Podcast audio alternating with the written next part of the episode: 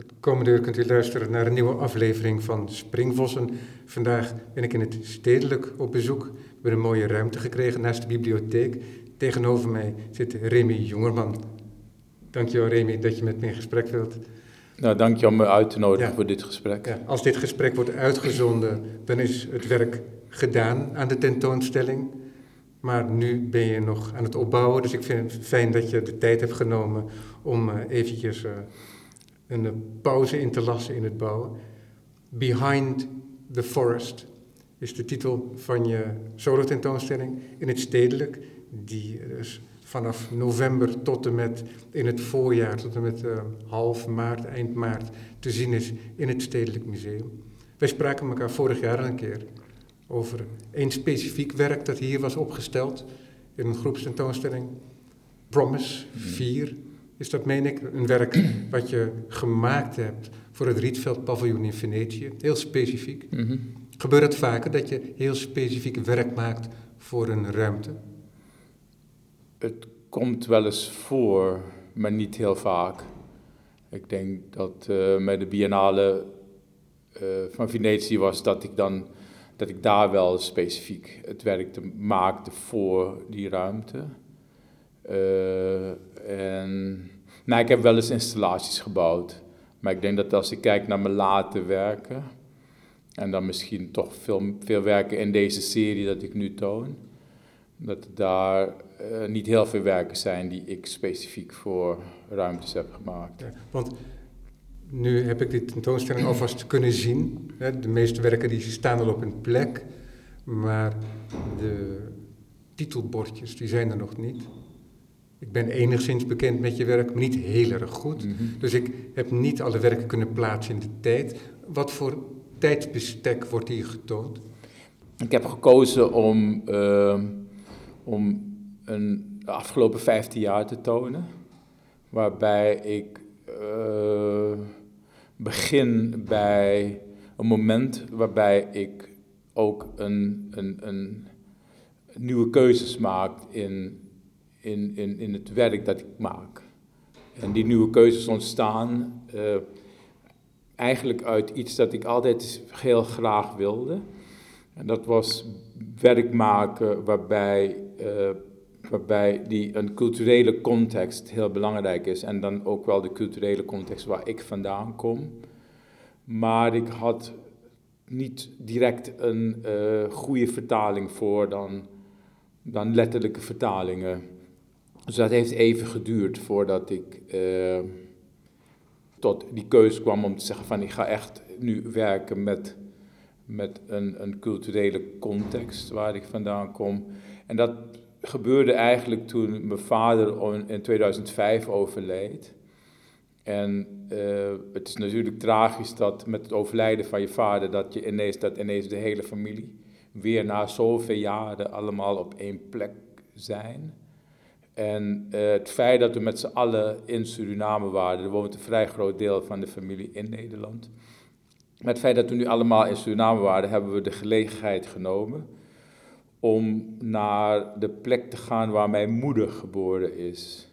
En mijn moeder die is geboren op een, een, op een plek waar een groep Marons, die de Bakabusi uh, mensen genoemd werden, uh, die zich later gevestigd hebben op een plantage, plantage Rorak. En op die plek is er een familiealtaar. altaren in, de, in een Maron context, dat verbinden zich met Winti, Winti Afro-Surinaamse religie. En daar maak ik dus de keus dat ik met die, dat ik daarmee graag aan de slag ga. Dat deed je ter plaatse? Dat idee dat ontstond toen direct?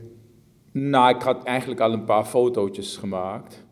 En bijvoorbeeld bij, het, bij de opbaring, of de plek waar mijn vader opgebaard was, herkende ik al een aantal elementen.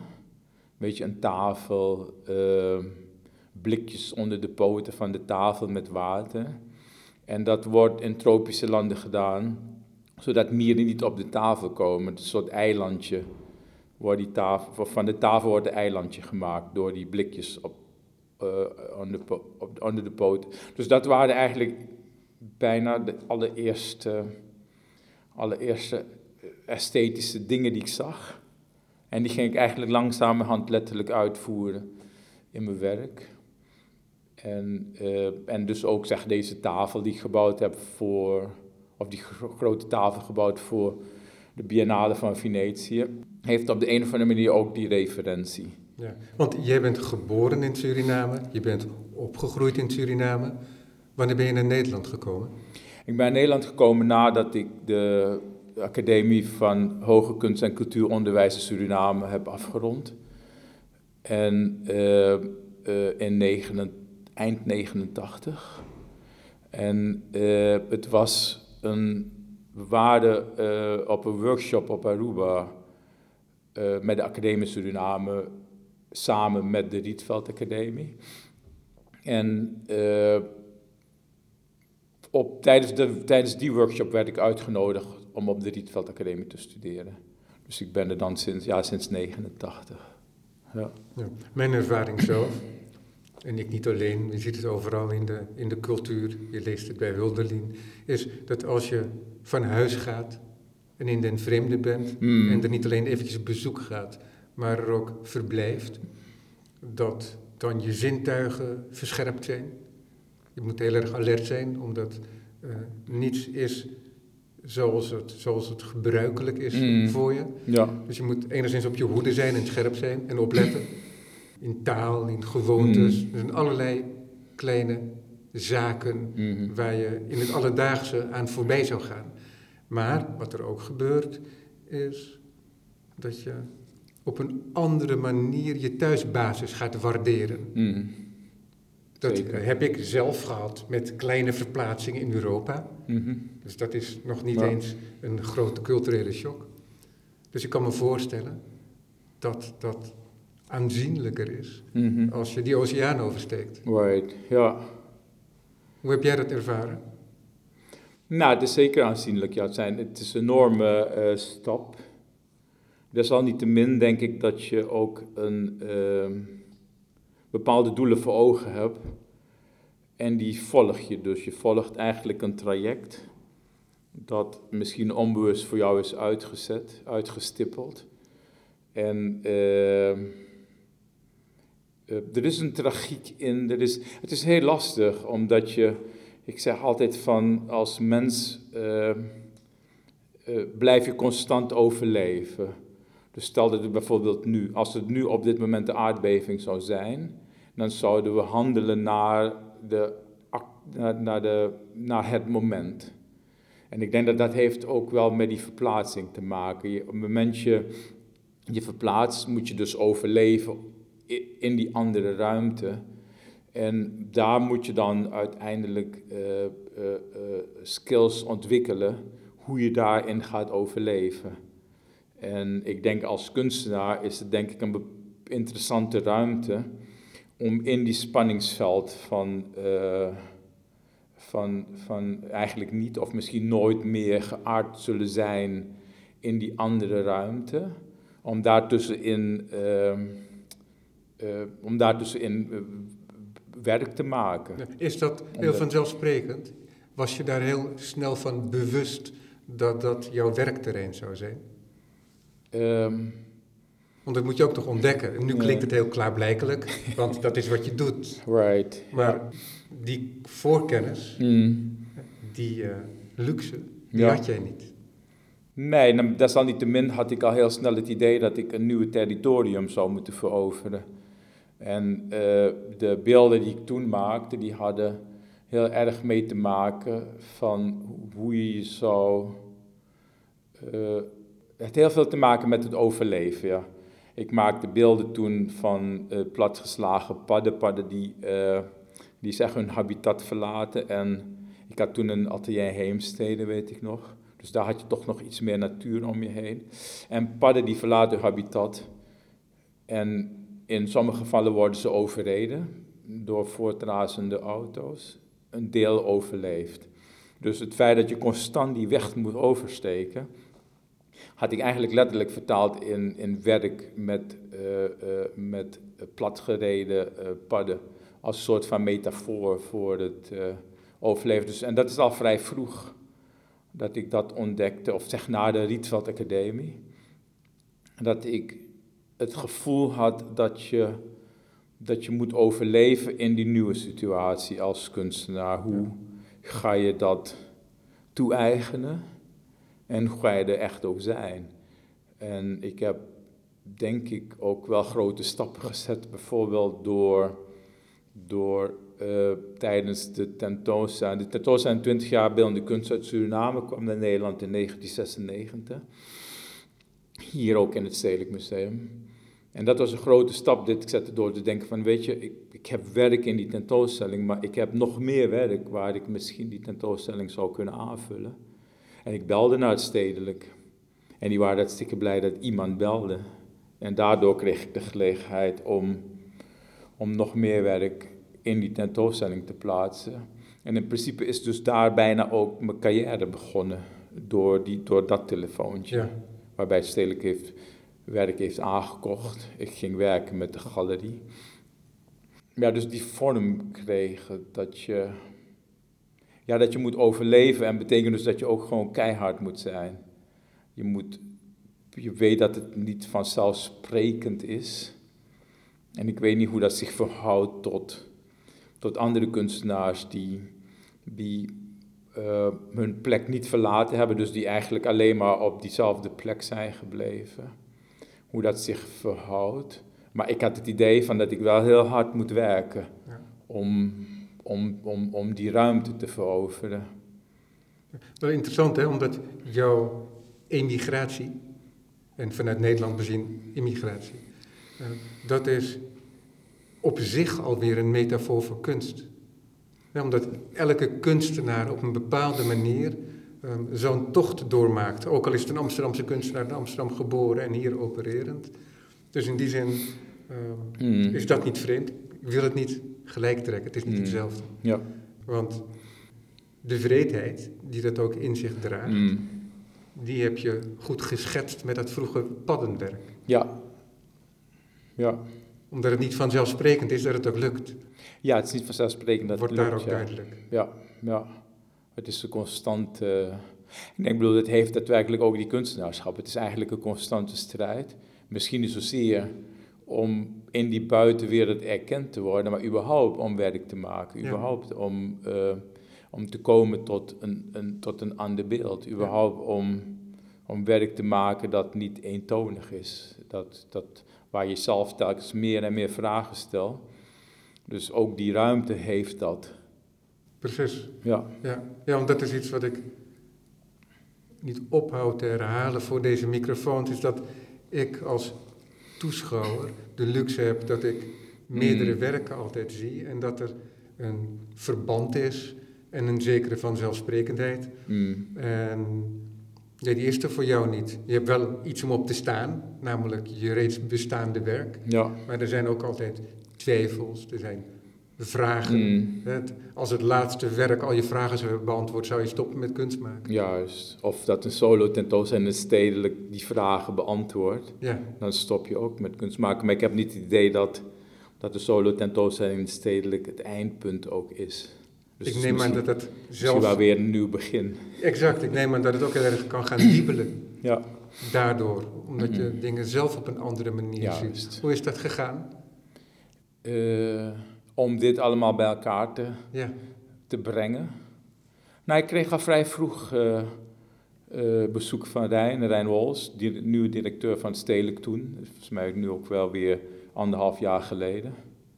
En ik dacht van, nou, weet je, Rijn die belt mij om... Uh, hij is in Amsterdam, dus je gaat, als je in Amsterdam bent, ga je gewoon kunstenaars bezoeken. Kijken wat ze doen. Dus ik vond het fijn dat hij belde. En zonder, ik had geen verwachtingen.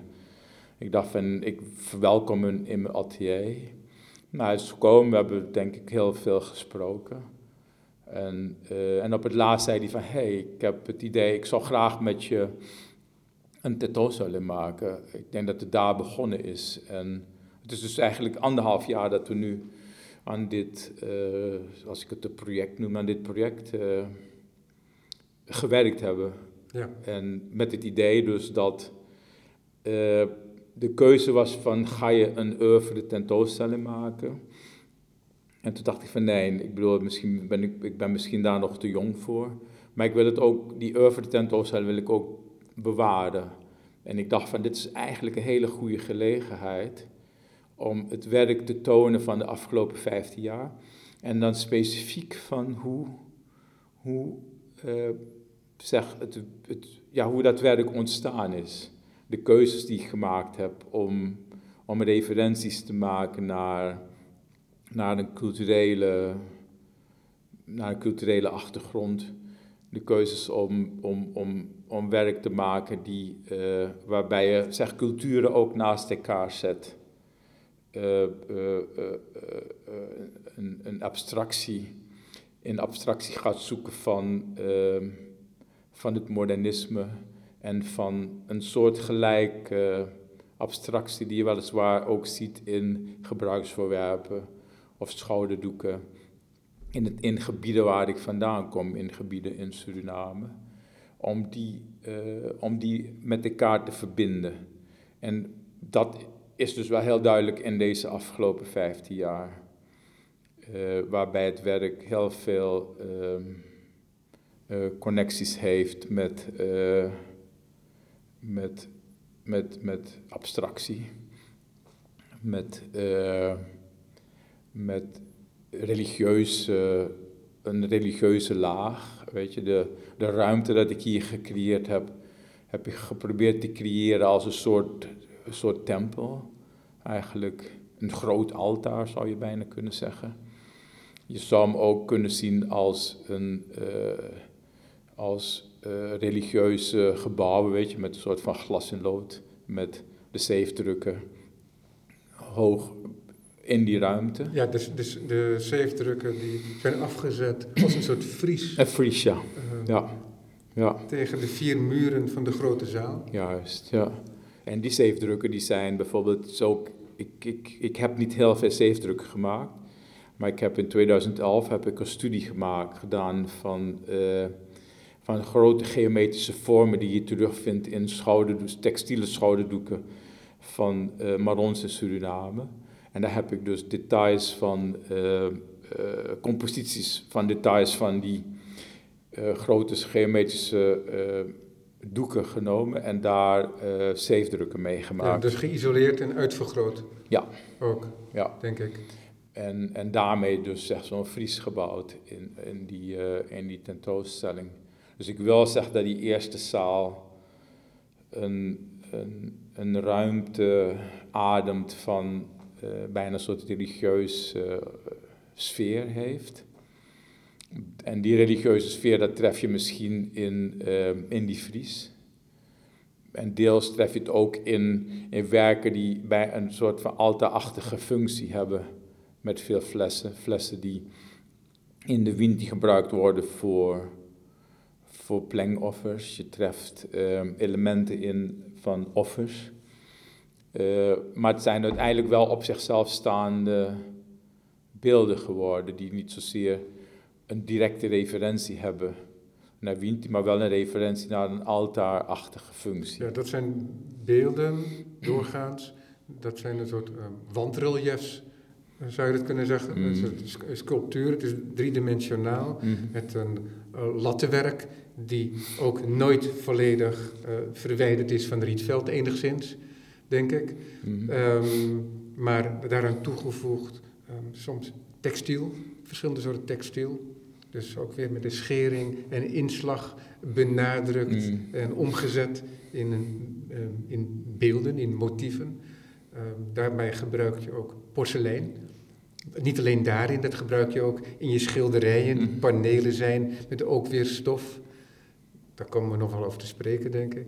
En deze wandreliefs, dat zijn tegelijkertijd ook, krijgen ze een meubelelement met een draagplankje waar mhm. dan bijvoorbeeld inderdaad jeneverflessen op staan. Juist, dus dat is een introductie opeens van het anekdotische in iets wat dat helemaal niet lijkt te zijn.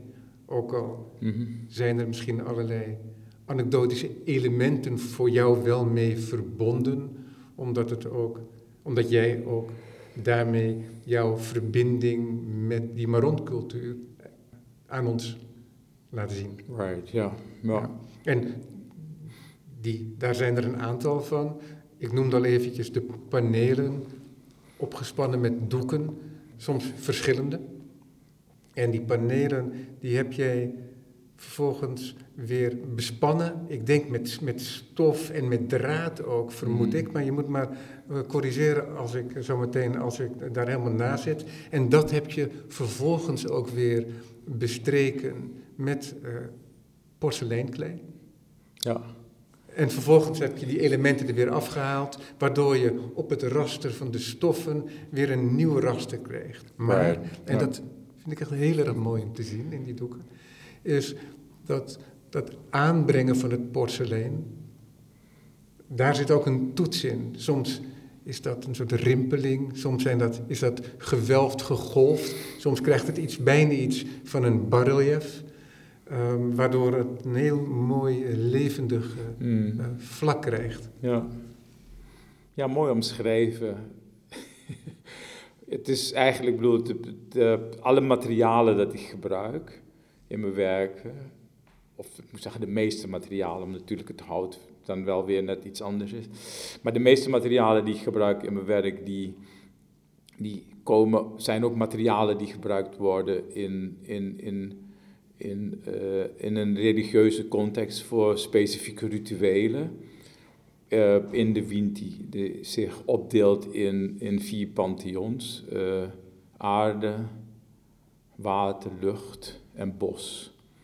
En voor al die vier pantheons heb je, of bij de rituelen heb je verschillende grid textielen die gedragen worden. En bij elk ritueel, afhankelijk voor welk pantheon dat gedaan wordt, heb je dan een verschillende kleurencombinaties. Bijvoorbeeld is bos, daar heb je een kleurencombinatie geel-zwart, dat in dat ritueel uh, gedragen wordt. Ik heb dus die textielen genomen in combinatie met, met een, een, een kleisoort, kaolin. Dat is een hele fijne uh, kleisoort, dat het werkelijk porselein van gemaakt wordt. Heel helder. Heel helder, wit. Het is ook hetzelfde eh, materiaal dat gebruikt wordt tijdens rituelen om te zuiveren. Dat wordt op lichamen gesmeerd, dat wordt op instrumenten gesmeerd. Uh, om, om te zuiveren tijdens het ritueel. Uh, die materialen zijn als het ware mijn, mijn palet. Uh, dat is wat ik heb.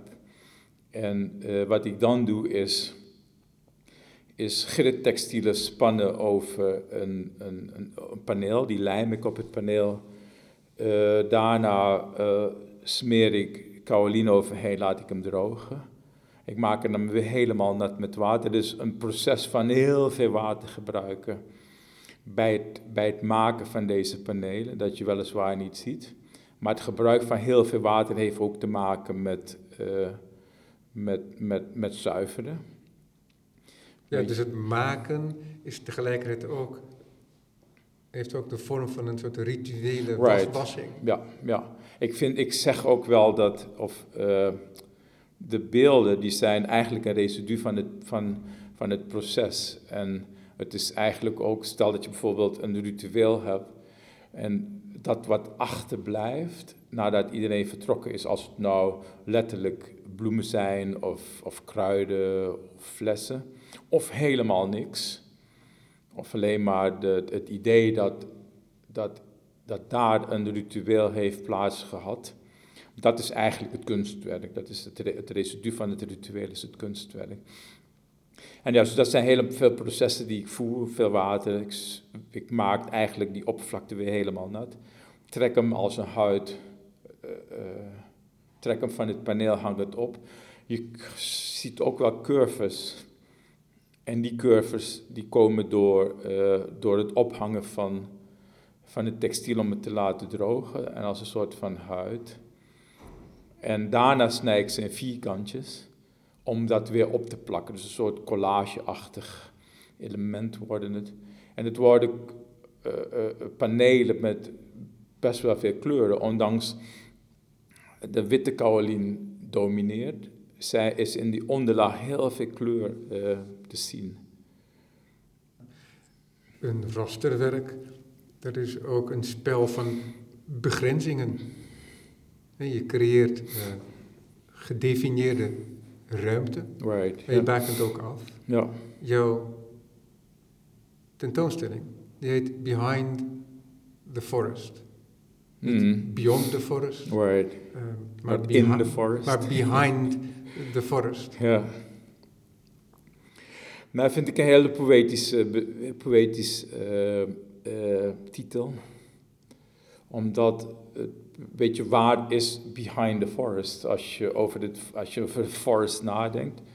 Als je over de forest nadenkt van het tropisch regio dat enorm uitgestrekt is. Dan is er niks, is heel moeilijk om te bedenken wat nou achter het bos is. Is de rivier daar de grens? Of is een kreek de grens? Dus het is niet, het is niet aan te raken. Behind the forest komt van, uh, is eigenlijk een letterlijke vertaling van, uh, van uh, de groep Marons die achter het bos leefde. Zo werden ze genoemd in Paramaribo. En die groep Marons, dat, is dus, dat zijn mijn voorouders.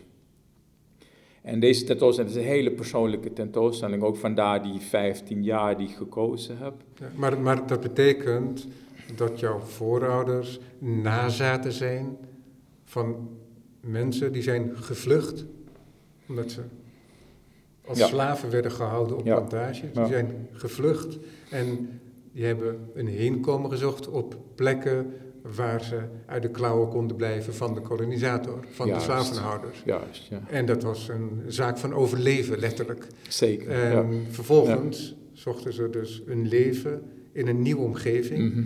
Die zich niet gemakkelijk laat temmen. Een nieuw overleven, Ja. maar wel in vrijheid, zonder die onderdrukking. Juist. En ze, hadden, ze hebben eigenlijk ook constant strijd moeten voeren, omdat ze constant achterna eh, de. eh, ze werden constant opgejaagd. Ja. En eh, er, is een, ehm, er is een verhaal over hoe zij zich in het moeras eigenlijk schuilhielden. En dus, dus dat eigenlijk de, ze over. ehm, eh, ze konden over de rug van de kaiman, van een krokodil, de oversteek maken. En als de soldaten kwamen, dan waren ze op de rug van de kaiman en die dook naar onder. Waardoor dus de soldaten verdronken. Dat was dus eigenlijk het geheim en ook de kracht van deze groep Marons. Deze groep Marons is recentelijk erkend als de zevende Maron-groep in Suriname.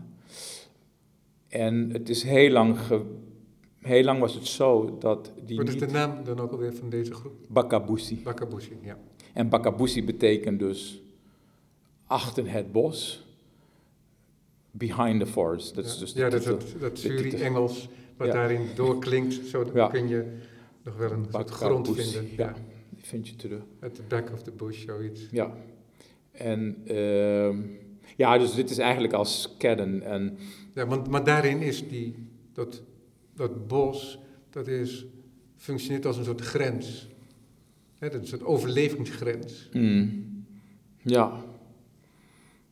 Eh, of het veilige gebied, waar je eigenlijk zeg met de kennis die mensen, eh, bij de kennis die, die oversteekt, de kennis die ze meegenomen hebben vanuit het, vanuit het West-Afrika, of tenminste het West-Afrikaans deel van Afrika, dat ze met die kennis konden overleven in die context van eh, in de Surinaamse eh, regenwoud. En eh, deze tentoonstelling heb ik gekozen eigenlijk om, om of deze tentoonstelling wil de ehm, wil, wil, de, de, de, wil vieren wat eh, deze mensen overleefd hebben, een, een, een soort hun heldhaftigheid om, om, om, om ja, gewoon die, om dat te overleven. Ja, ja. Ik kan het moeilijk bijna onder woorden brengen. Want dan, hoe hiermee- blij ik daarmee ben om, om dit als, als achtergrond te hebben, om dit als referentie te hebben, om als referentie, tenminste van moederskant, mensen te hebben die, die honderd, honderd jaar lang overleefd hebben in het bos. En 2021 is eigenlijk ook een markant jaar, omdat het uh, uh, uh, Broos, mijn bed overgroot oom, zijn zus is mijn bed overgroot moeder. Maar ik noem, omdat van Broos alleen maar een afbeelding bestaat, noem ik Broos dan ook wel mijn bed overgroot vader, is een vaderfiguur. Uh, en die heeft dus dat overleefd. Dat is eigenlijk het beeld dat we, dat we hebben van, van dat verleden. Die hebben dus 100 jaar in het bos overleefd. Wat, ik, wat ik wilde zeggen over, die, over 2021. Dit jaar is het 100 jaar geleden dat mijn moeder geboren is. En het is precies 200 jaar geleden dat Broos geboren is. 1821 is Broos geboren, 1921 mijn moeder. En 2021 maak ik een tentoonstelling over die 200 jaar, uh, 200 jaar gift, cadeau. Hoe noem, noem, noem iets, weet je, dat ik gekregen heb om, om dit te mogen doen. En dan ook in een context van van een verleden, van een gedeelde verleden. Dus dat je het niet alleen maar hebt over, over, het gaat niet alleen maar over pijn, het gaat niet alleen maar over lijden, maar het gaat over, het gaat over een, een, een enorme kennis dat, dat overgeleverd is en, dat, en waar je mee kunt bestaan als individu. En ook waar, iets dat je kunt delen met de grotere groep mensen, dat het niet alleen maar. Het is natuurlijk veel ellende geweest, maar het is ook heel veel, uh, is ook heel veel over, overwinning geweest. En die overwinning kan ik ook letterlijk zien als dat ik nu hier ben om aan een grote groep, om bijna een historisch, uh, om aan een hele grote groep een verhaal te kunnen vertellen van kijk, dit is waar wij op varen eigenlijk. Wat, dit is wat wij kunnen dragen. Ja, ja. ja. want dan keer ik eventjes terug bij die vraag die ik eerder stelde. Dat je, als je je verwijdert van je eigen cultuur om ergens anders mm.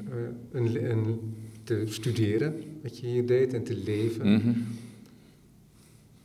dat je dan ook een duidelijker wordt waar je vandaan komt. Mm.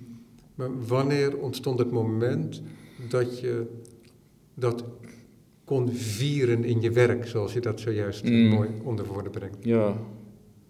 ja, dat is nu, denk ik. Ik bedoel, weet je, kunst is eigenlijk ook iets van een lange adem. Het is heel veel geduld. En dus als ik nu kijk met deze tentoonstelling, is het eigenlijk nu. Het is altijd moeilijk om, heel, om, om ver terug te gaan.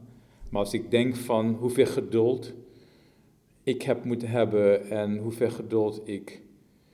Om eigenlijk gewoon constant door te werken.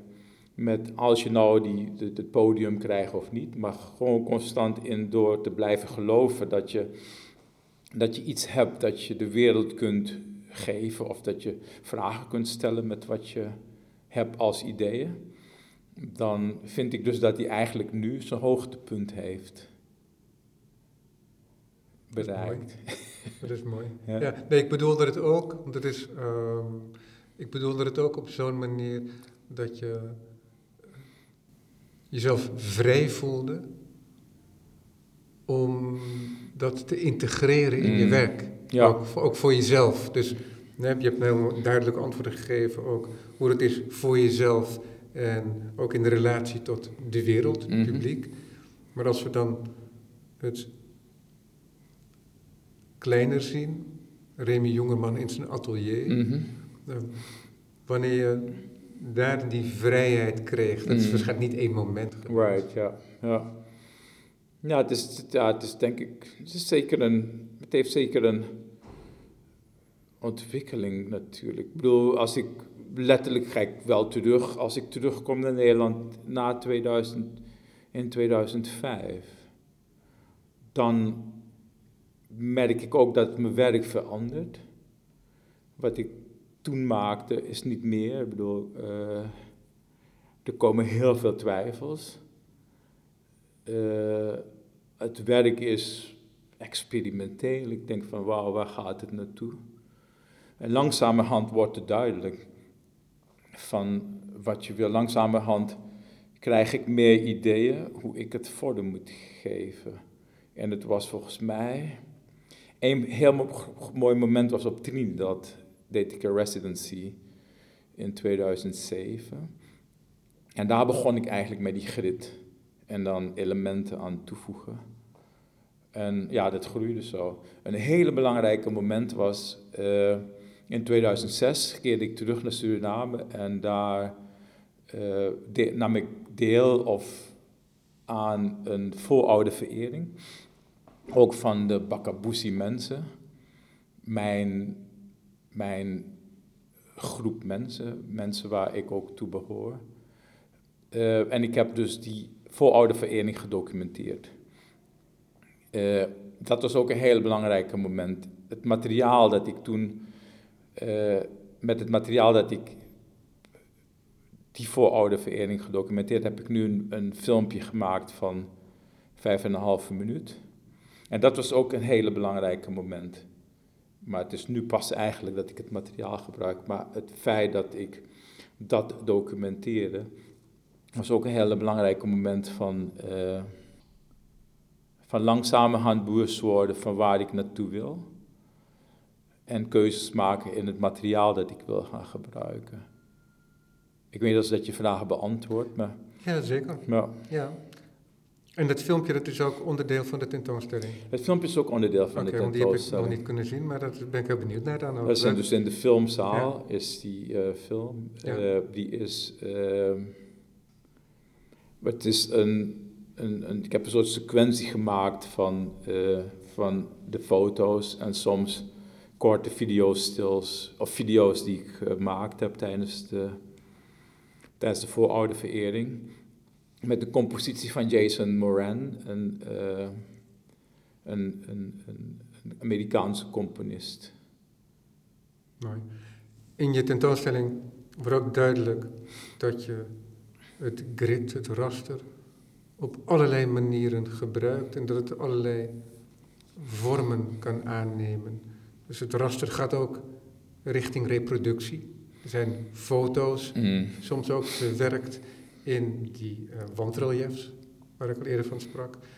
En tegelijkertijd plaats je ook allerlei platen die foto's zouden kunnen zijn, maar het zijn geen foto's, maar het zijn gewoon platen met één specifieke kleur en dan zo afwisselend in mhm. verschillende vormen. En die leunen dan als het ware in het relief. Maar dan komt er ook foto in voor. En zo ook één foto met een opgeblazen raster. Hè, zodat het heel duidelijk wordt. Mhm. De oude krantenfoto's ook hadden dat raster. En dat raster komt ook op zichzelf voor. Dat is een soort polkadot mm krijg je dan. We hebben het raster van het framewerk van die sculpturen. Maar tegelijkertijd wordt dat raster uiteindelijk ook een kubieke vorm. Dichte, mhm. dichte kubussen. Ja. En daar maak je ook weer beelden van. Dat zit in Promise 4, die vorig jaar te zien was. Mhm. In het stedelijk ook. En die nu ook weer deel uitmaakt van deze presentatie. En daar zijn ook nog meer beelden van, zag ik nu. Mhm. Soms in combinatie met die mooie panelen. Waardoor je een hele installatie van panelen krijgt. Met kubussen ook. En er staat ook een prachtig beeld. Met, opgebouwd uit twee enorme kubussen die mij ook weer deden denken aan de kubus voor het uh, Van Doesburghuis in Meudon. Het heeft ook ongeveer dezelfde maat. Ja. Het is uh, net iets kleiner dan een mens. Um, en die staan bovenop elkaar, van elkaar gescheiden door klosjes, garen. Mm. Ja. ja. Ja, ik bedoel, er zijn twee spanningsvelden dat je dan krijgt. Hè? Want ook beide oppervlaktes, de oppervlaktes die tegenover elkaar staan in het, in, het werk met de twee grote kubussen, die zijn, dat is ook een laag kaolin, en twee witte uh, lagen die tegenover elkaar staan. Uh, uh, die staan op klosjes gade en gade ook als element eigenlijk om, om, om die heeft een, connectie met textiel. Uh, dat werk heb ik, uh, dat werk heeft als titel uh, Ultimate Resistance. En bij mij is, zeg die kubus, is een vorm. Hij is open of dicht. En in het geval van die dichte kubus is, het, is de oppervlakte natuurlijk heel rijk en en misschien heel mooi. mooie uh, structuur van, van het materiaal die ook ik met mijn hand heb opgewreven. Krijg je hele mooie, uh, een heel mooi oppervlakte. Maar het gaat ook over de inhoud van wat in de kubus gebeurt. Die ruimte dat je niet ziet, maar die ruimte die wel ergens vandaan komt. Die ruimte dat wel gevuld is met, met iets, met een moment, met lucht met een spreuk, met een... Uh... Dat is op zich al een soort templum.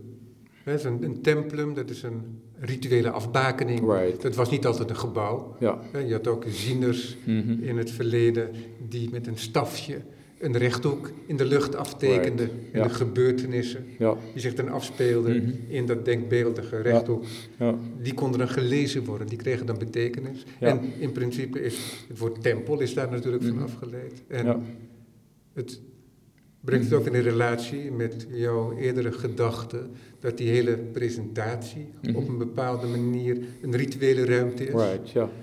En daarom uh, leid ik ook naar dit uh, beeld zelf toe, -hmm. omdat dat zo, zo'n soort monumentaal, altaarachtig -hmm. element heeft. Het is groter dan mijzelf. En bespannen zijn ze, ook met die stoffen weer. Ja. En die stoffen die gaan weer, en stoffen die zijn er om te bedekken, om te bekleden. Mm -hmm. Maar vervolgens is het kleed weer bedekt, op zijn manier weer bekleed met dat kaolin. Juist, ja. ja. Ja, dus die gelaagdheid dat hij dan draagt is, is dan uh, een... Uh, het is, dat komt eigenlijk uit, een, uit een, een ritueel. Ook dat materiaal dat op de onderste kubus is, dat is flisco. En uh, flisco, dat ook een enorme reis, of het verhaal dat heel veel over reizen gaat. Hè? Dat flisco dat in Helmond gemaakt wordt, in West-Afrika gekocht wordt. Maar er zit ook een Indonesische connectie aan het materiaal. Het is een, een flisco wordt gemaakt met een geba, gebaat batik techniek. Ja, het is een product van uh, kapitalisme, kolonialistisch kapitalisme, right. om het samen te vatten. Juist. En als je bijvoorbeeld ook kijkt dat, dat, dat textielen bijvoorbeeld die in Winti gebruikt worden, dan specifiek voor het ritueel Vodou, zijn het textielen, is het Javaanse batik. En die Javaanse batik die wordt gedragen tijdens het ritueel. En uh, dat Vodou-ritueel, dat is een ritueel dat, uh, dat, dat aan het pantheon aarde verbonden wordt. En het pantheon aarde wordt gesymboliseerd door de slang. En die textiel, de, de batik, weerspiegelt eigenlijk de huid van die slang. Oh, wat mooi, want dat komt ook weer terug right. in het motief Is, dat zit van in de right. op de onderste kubus. Helemaal goed. Ach, ja. wat mooi ja, ja. Dus het, het beeld op zich, denk ik, en vandaar dus dat je had het over die grit, die afbakening. En die afbakening, die grit is belangrijk om, om, om, die, om, om een specifieke af te bakenen. Dat je iets specifiek afbakent. Als je nou dat verhaal meteen, dat verhaal weet je niet. Dat is het verhaal of de inspiratie dat ik gebruik om te komen tot beeld. Maar de manier waar je het als toeschouwer leest, dat vind ik fantastisch. De manier waarop jij bijvoorbeeld erover praat, dan denk ik dat we bijna op eenzelfde soort golflengte zitten. Jij maakt alleen net een iets andere inslag door de kennis dat jij hebt. Of dat wat je misschien eerder gezien hebt. Dus dat je, je maakt een connectie met, met de kubussen in Rietveld, in eh, Frankrijk. Ja, bij het huis van Theo van Doesburg Right. staat er in de tuin, Ja. eh, voor eh, de borstwering van de trap, Mhm. van de buitentrap, staat er een witte kubus. Mhm. En Ja. Steven Aalders, eh, die zegt erover in een film die ik gemaakt heb, ehm, dat eh, je dat eigenlijk kunt beschouwen als een soort icoon Mhm. Right. voor de kunst van Van Doesburg. Mhm. Ja. En als je ook kijkt naar, naar werken die, die misschien voorgangers van mij ook gemaakt hebben met, met kubussen als binnenruimtes, als buitenruimte. Als je kijkt bijvoorbeeld naar de kubussen met, van Stanley Brown, die heel veel gaat over maatvoering. Weet je, maateenheden. Ja. Dan zie ik wel een soort gelijk, eh, een soort gelijk inspiratie, een soort gelijk idee Ja. om, om die vorm te gebruiken. Ja, want dat is heel mooi. Dat doe jij weer op je eigen manier. Mhm. Eh, bij Stanley Brown ehm, is het de geometrie. Mhm. Dat is letterlijk het meten van de aarde. Hè? Dat is de etymologie van het Ja. woord. Ja. En dus het meten van de aarde aan de hand van zijn eigen lichamelijke proporties. Right, ja. ja. El, voet, Mhm. hand ook volgens mij. Ja. En als, ik, als- en als ik Brown Stap. meeneem als spirit, en met die connectie met aarde, dan kom ik dus bij voodoo terecht. Weet je, dan kom ik dus terecht bij een ritueel dat uitgevoerd wordt voor de aarde. En dat, die connectie met die slang. Ja. En ik denk dat ik, ik, ik maak in dat gebied maak ik werk. In dat gebied van, ehm, ja, in die ruimte. Waarbij het ma- materiële en het immateriële samenkomen. Ja, want in zekere zin is die rituele binnenruimte, dat is een soort metafysische ruimte, maar dat is ook het behind the forest, in zekere zin, Mhm. het binnenste van die kubussen. Mhm. Ja. Is dat heel specifiek voor jou? Als anekdote voor jezelf? Mhm. dat jij een specifieke gedachte verbindt aan een bepaalde beeld met zo'n binnenruimte. Eh, ja, ik denk dus dat ik zei. Kijk, dus en dat- het kan ook zijn dat je dat helemaal niet met me wilt delen. En dan Ja, dat ja. is ook prima natuurlijk. Ja. maar- Ja, die, kijk, die binnenruimte, dat is eigenlijk een, een ruimte waar ik soms ook wel dingen inspreek voordat ik hem dichtmaak. Eh, dat heeft wel, dat draagt die poëtische lading. Dat draagt ook die poëtische lading die Behind the Forest heeft. En, eh, en ja, is eigenlijk een ruimte dat, dat denk ik heel belangrijk is. Die ruimte waar eigenlijk het ritueel plaatsvindt, die ruimte waar, eh, waar, waar het beeld ontstaat. Ik kan hem heel moeilijk precies omschrijven. Wat, Is er ook een relatie met, dat, met kleibedekte stof, met het, ze- ze- even eenvoudigweg los van de rituelen, ook met het fysieke leven in het woud en in de moerasgebieden? Mhm. Ja, Of is dat meer een soort bijkomstigheid? nee, het heeft zeker te maken met het fysieke leven, omdat het, dat is ook het materiaal dat je in je directe omgeving hebt. Ook, eh, eh, eh, weet je, elk ritueel is ook, heeft te maken met, met, met het zoeken naar balans. Dus het is eigenlijk, het heeft constant te maken met het zuiveren. Met het zuiveren, dat heeft Winti ook heel erg. Hè? Het is eigenlijk een vorm waarbij je dagelijks zoek, op zoek gaat naar zuivering. En, en, en al dit materiaal heeft eigenlijk daarmee te Een maken. soort harmonisering Harmonisering, ja. van En dat eigenlijk, wat in ongereden is. ja. Het is eigenlijk een, een, een, iets dat je eigenlijk dat je breed vindt in, in, in een religieuze context. Van hoe je religie nou wil eh, benaderen of wil beschrijven.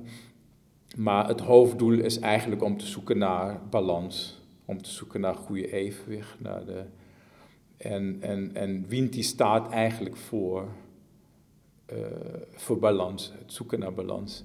En het feit dat uh, mensen in, uh, in het regenwoud moesten overleven, hadden ze heel sterk ook, ook de natuur nodig. Ze hadden heel sterk het materiaal nodig. Ze hadden het water nodig, ze hadden, ze hadden die klei nodig, ze hadden heel veel nodig om te overleven. Dus dat is zeker wel een letterlijke uh, connectie die je kan maken met, uh, met voornamelijk het materiaalgebruik. Ja. Je hebt dat werk nu van de afgelopen 15 jaar bij elkaar gebracht, hier in het stedelijk. Een mooie tentoonstelling. Hoe is dat? Uh, fantastisch natuurlijk. Om... Kijk, je bent nu nog ook praktisch bezig, mm, hè, want er moeten ja. dingen nagekeken worden ja, met, uh, ja. met de conservator. Right. Hè, om, dat de beelden ook weer uh, mm. heel er vanaf komen. En het is min of meer geplaatst. Mm. Hè, dat werk is wel gedaan, zo'n beetje. Maar hoe is dat om dat allemaal bij elkaar te zien? Hè? Nee, ik vind het geweldig. Ik, bedoel, ik, ik weet niet, ik moet nog echt even rustig rondlopen. Ik hoop een moment te vinden om rond te lopen waarbij niemand aanwezig is. Om echt gewoon helemaal, als alles opgeruimd is, om even goed te kijken naar alle beelden en alle emoties, emoties dan toe te laten. Want ik zei, het is een hele persoonlijke tentoonstelling. En, uh, en ik vind het fijn om, om nu eindelijk 15 jaar naast elkaar te zien. Ik heb ook een aantal recente uh, werken, beelden die ik af, vorig jaar en dit jaar gemaakt heb voor deze tentoonstelling. Ik vind het fijn om die naast elkaar te zien. Ik vind het ook fijn om, om de ontwikkeling van, me, van de afgelopen 15 jaar aan het publiek te tonen. Ik denk dat het publiek af en toe fragmenten van, me, fragmenten van mijn werk gezien hebben. Bij de uh, gemeente aankoop was Promise. nu is in, in het bij Action Nobel is er een mooi werk van je te zien, ja. ook in de tentoonstelling. Ja. En hier in de Stedelijk heb je ook bij de uh, uh, collectietentoonstelling van 80 tot nu, staat er ook een werk die in, in 2020 volgens mij aangekocht is als Stedelijk. Dus mensen hebben denk ik heel veel momenten van mijn werk gezien. En ja, nu dat is was het voor mij ook het geval. bij elkaar. Dus ik ben, uh, ja, ik ben hartstikke blij ook zelf om al deze werken naast elkaar de, te kunnen zien en te kijken naar die ontwikkeling. Je zal ook weer merken dat, dat mijn late werken veel en veel abstracter geworden zijn. Als je kijkt naar de panelen, dan is het eigenlijk bijna één witte vlak met heel veel kleuren in die onderlaag. En uh, langzamerhand uh, laat ik ook, denk ik, veel meer los. Weet je, dus de, de, objecten die ik gebruikte eerder in de werken, die worden alsmaar minder, soms verdwijnen ze helemaal. Dus ja, ja, ze zitten nog steeds in het werk op een bepaalde manier als gedachte. Sure, sure. Die zijn, die zijn eigenlijk in die handeling, in het maakproces, zijn die elementen, of is dat altijd nog in? Maar het is alleen maar dat, het, dat voornamelijk de panelen best wel heel abstracte uh, vorm gekregen hebben. Mooi. Remy Jongen, gefeliciteerd met je mooie tentoonstelling. Dankjewel. Ja, dankjewel voor dit gesprek. Behind the Forest is met, ik heb de precieze datum niet, niet uh, bij handen nu, maar in ieder geval tot, uh, tot in maart, half maart meen ik, te zien in het Stedelijk Museum. Dankjewel. Dank je.